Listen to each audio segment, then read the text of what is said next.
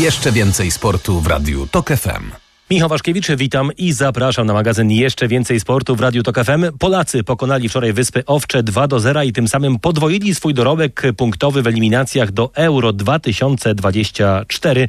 Był to mecz z gatunku wygrać i zapomnieć, ale tego, co wczoraj y, zobaczyliśmy, ja zapomnieć nie mogę. Sprawdzimy, co na to mój gość, Dawid Szymczak ze sport.pl. Witam cię serdecznie. Dzień dobry.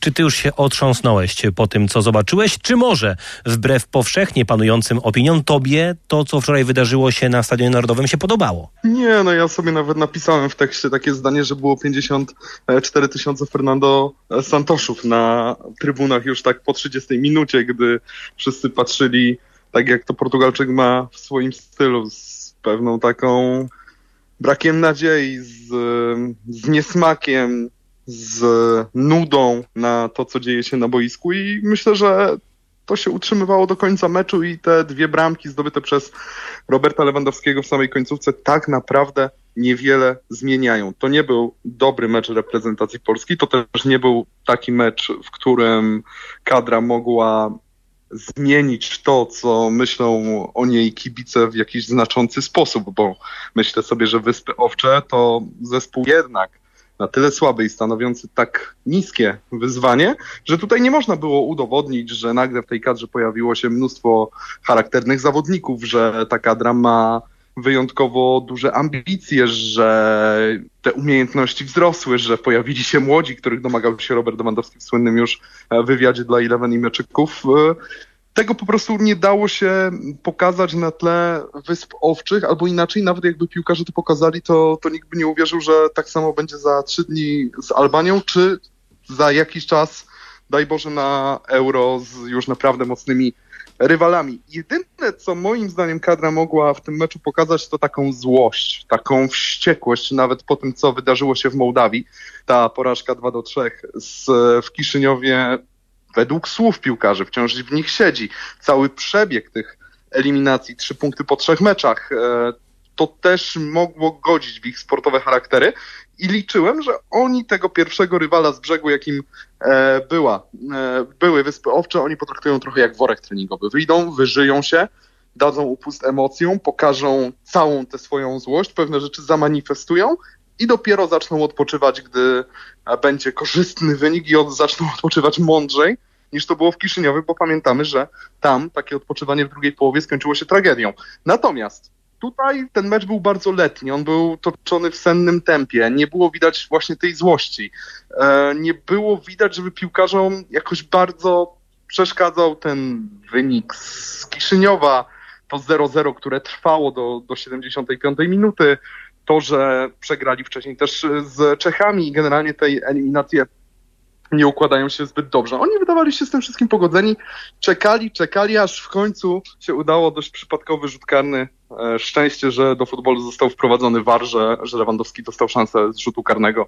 Wykorzystał ją, wytrzymał presję, bo myślę, że to był teoretycznie łatwy karny, no bo, no bo naprzeciwko stał doradca handlowy bodaj, bo, bo, bo tym na co dzień zajmuje się bramkarz Wysp Owczych, no ale z drugiej strony był kontekst tego wywiadu, był kontekst nałożenia presji na swoich kolegów, ale też na siebie, więc myślę, że ta piłka trochę ważyła, ale, ale Lewandowski zrobił to spokojnie, no i korzyścią i takim pozytywem z tego meczu na pewno jest wygrana, która po prostu podtrzymuje nasze szanse na wyjazd na Euro, bo gdyby tych trzech punktów zabrakło, byłoby znacznie trudniej. A z, z czego wynika to samo zadowolenie? Bo ja słuchałem dzisiaj Grzegorza Krychowiaka e, z Migzony po tym spotkaniu. On generalnie, no Powiedział, że zrobili to, co mieli zrobić, czyli wykonali zadanie. Jasne, trochę późno strzelili pierwszą bramkę, a mecze z takimi rywalami są do pierwszego gola. Wspomniany przez ciebie Robert Lewandowski powiedział wprost, to było dobre spotkanie w naszym wykonaniu. Ja do końca tego nie rozumiem. To znaczy, biorę pod uwagę to, że tej kadrze ciąży wiele rzeczy, że w ostatnich miesiącach mnóstwo spraw poszło nie po myśli piłkarzy, nie, w niektórych aspektach zawinili oni, i tutaj mam na myśli aferę premiową. W niektórych nie mieli żadnego wpływu, jak sprawa Mirosława Stasiaka na pokładzie samolotu lecącego do Kiszyniowa. To jest osoba skazana za korupcję przed laty i zaproszona mm, na pokład e, z oficjalami PZPN-u i piłkarzami. I było sporo jeszcze innych pobocznych wątków, jak ten wspomniany wywiad Lewandowskiego, które jakoś rozpraszały uwagę, które e, dokładały się do tego plecaka. I mam wrażenie, że piłkarze, każdy z kadrowiczów wyszedł na ten mecz z takim plecakiem, w którym była presja, w którym były kłopoty, w którym były te afery. No i, i z tym plecakiem ten mecz był grany. No i jeżeli strzelasz pierwszego gola w piątej minucie, w dziesiątej minucie, w piętnastej, to bardzo szybko ten plecak z siebie zrzucasz, zaczyna ci się grać łatwiej, rywal też już nie ma takiej motywacji, bo widzieliśmy, co się wydarzyło, jak Wyspy Owcze już straciły tego pierwszego gola. To już nie było, to już nie był tak e, walczący zespół. Tam było mało argumentów piłkarskich, ale, ale ta wiara, zawziętość, zadziorność, duma, którą pewnie chcielibyśmy widzieć też u naszych piłkarzy notabene, tam dało się to w, w ich działaniach dostrzec, ale po pierwszym golu to wszystko troszeczkę opadło. Te morale były niższe, no i za tym poszła druga bramka dla, dla Polaków. Z czego wynika to, że Polacy są zadowoleni? Może po prostu oni wiedzieli, że ten mecz trzeba wygrać, że w pewnym momencie przy 0-0 w 70 minucie zaczął się pojawiać strach, że to będzie kolejny blamasz, że po Kiszyniowie będziemy mieli takie spotkanie na Narodowym z Wyspami Owczymi, że będzie kolejny argument do śmiania się, że będzie bardzo trudna sytuacja w eliminacjach, że mogą naprawdę zaprzepaścić coś bardzo ważnego w bardzo zabawny, bardzo niegodny tej reprezentacji sposób. Fernando Santos wiadomo, że młodzieniaszkiem nie jest, ale mam wrażenie, że z każdą minutą oglądania meczu swojej reprezentacji, czyli Polaków, on starzeje się o rok. Ale o trenera chciałbym cię jednak zapytać, bo tu też mieliśmy kilka dziwnych decyzji. Z jednej strony próba odmłodzenia kadry, po czym za chwilę po słabych wynikach powrót do nazwisk sprawdzonych i płyt już zdartych, jak Grzegorz Krychowiak, jak Kamil Grosicki. Tenże Grzegorz Krychowiak wychodzi w wyjściowej jedenastce. Pierwszym zmiennikiem, czyli de facto dwunastym zawodnikiem tego zespołu zostaje Paweł Wszołek, którego nie było w 25 i został dokoptowany w miejsce kontuzjowanych zawodników, bo wypadł nam e, innymi Nikola Zalewski, wcześniej Przemysław Afran Frankowski. Razi to niekonsekwencją. Czy ty wierzysz w ten projekt? Najtrudniejsze pytanie, jakie mogłeś zadać.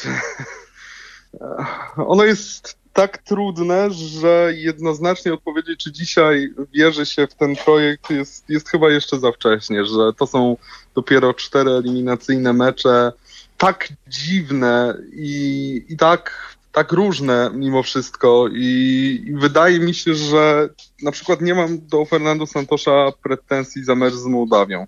Nie potrafię go obwiniać za to, że w Kiszyniowie jego piłkarze w drugiej połowie stracili trzy gole ze 177 reprezentacją w rankingu FIFA. Z drugiej strony wydaje mi się, że tak, że pogubił się w koncepcji. Na to akurat patrzę dwutorowo, to znaczy samo powołanie Grzegorza Krychowiaka i Kamila Grosickiego ja rozumiałem w momencie, gdy selekcjoner to ogłaszał, bo dopowiedziałem sam sobie, że pewnie to są takie powołania do szatni, żeby ci doświadczeni zawodnicy pomogli tej reprezentacji w tych aspektach mentalnych, psychicznych, charakterologicznych. I wydawało mi się, że do boiska oni jednak będą mieli dość daleko.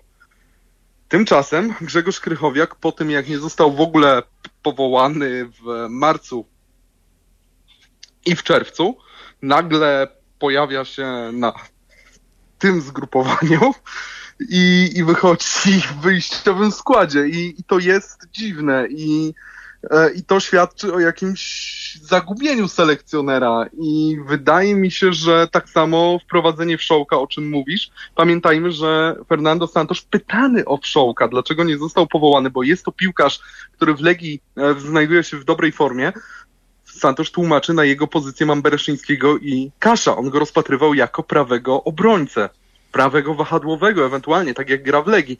Tymczasem Paweł Wszołek jest skrzydłowym, który może być przestawiany na wahadło, ale to nie jest zawodnik, który jakoś fantastycznie będzie bronił. I wczoraj, gdy pojawił się na boisku jako pierwszy rezerwowy, rzeczywiście zajął miejsce na prawym skrzydle, więc można przypuszczać, że Fernando Santos z tą polską ligą, z tymi polskimi piłkarzami nie grającymi za granicą jeszcze nie jest za pan brat, że tutaj jeszcze nie, nie każdego zna, co najwyżej wielu piłkarzy kojarzy. I to jest niepokojące. I, i, i to się też wpisuje w jakiś szerszy obraz tego, co już zaczęliśmy dostrzegać. Pierwsza konferencja Fernando Santosza to było rozmowa o tym, że on nie przyszedł tu tylko trenować reprezentacji, że chce być zaangażowany w szkolenie, że chce spotykać się z piłkarzami, że chce jak najbardziej wciągnąć w to, w to nasze piłkarskie społeczeństwo i jak najlepiej je poznać, rozmawiać z trenerami ligowymi i tak dalej, i tak dalej, i tak dalej. Na koniec okazuje się, że ten wpływ jest niewielki, albo przynajmniej nie tak widoczny, jak mógłby być. PZPN tego broni, że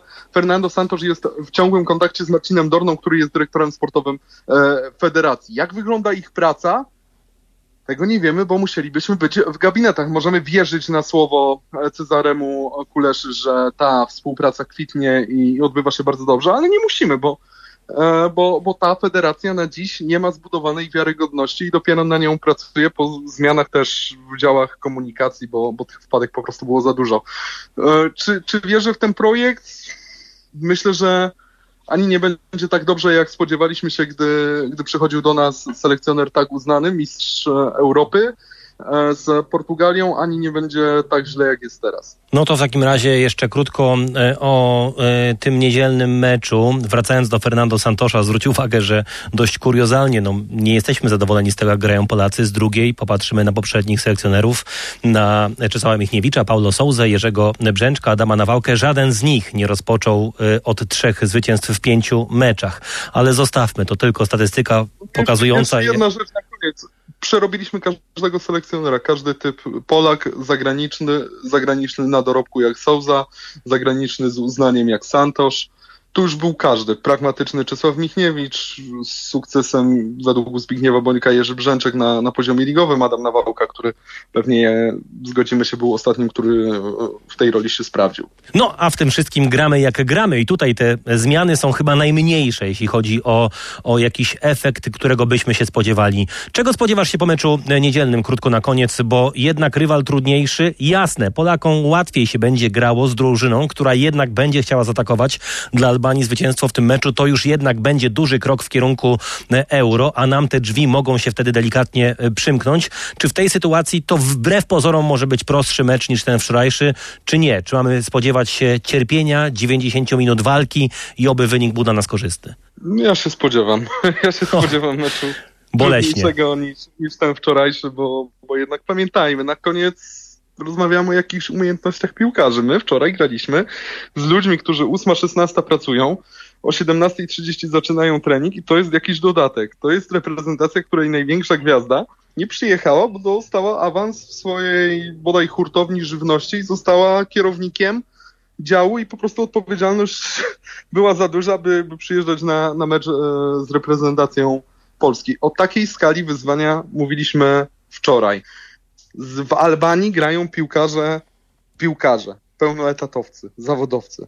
My przed chwilą przegraliśmy z Mołdawią i teraz wymęczyliśmy zwycięstwo z Wyspami Owczymi, więc to wszystko nakazuje mi być jednak ostrożnym, e, może pesymistą. Jeżeli to będzie podobny mecz, a takiego się spodziewam, jak za Paulo Souzy bodaj w 2000 2021 roku, też właśnie w Tiranie, na, na tym kameralnym, nowoczesnym stadionie, gdzie z trybun leciały na, na boisko różne przedmioty i e, wydaje mi się, że to będzie trudniejszy mecz i bardzo bym chciał, żeby skończył się tak jak tamto spotkanie za Paulo Sobzy. 1-0 wtedy było dla e, Polski. Ja tutaj naprawdę nie oczekuję fajerwerków, nie oczekuję akcji koronkowych, bo my nie potrafimy ich przeprowadzić na dziś przeciwko Wyspom Owczym oczekuję, że, że ta reprezentacja po prostu wreszcie pokaże charakter, wytrzyma presję, bo tam będzie ta presja większa i no i to będzie jakiś krok ku lepszej przyszłości, bo na razie mam wrażenie, że od kilku miesięcy stoimy w miejscu. Trudna jest ta miłość kibica do polskiej kadry. Nasza dziennikarska pewnie też wytrzymaliśmy wczoraj 90, to wytrzymamy także w Tiranie. Oby w mniejszych mękach. Dawid Szymczak z portalu sport.pl był dziś moim gościem. Bardzo Ci dziękuję. Kłaniam się, dziękuję bardzo. To tyle w magazynie Jeszcze Więcej Sportu. Za chwilę w Radiu Tok FM informacje, a po nich wywiad polityczny. Michał Waszkiewicz, pozdrawiam.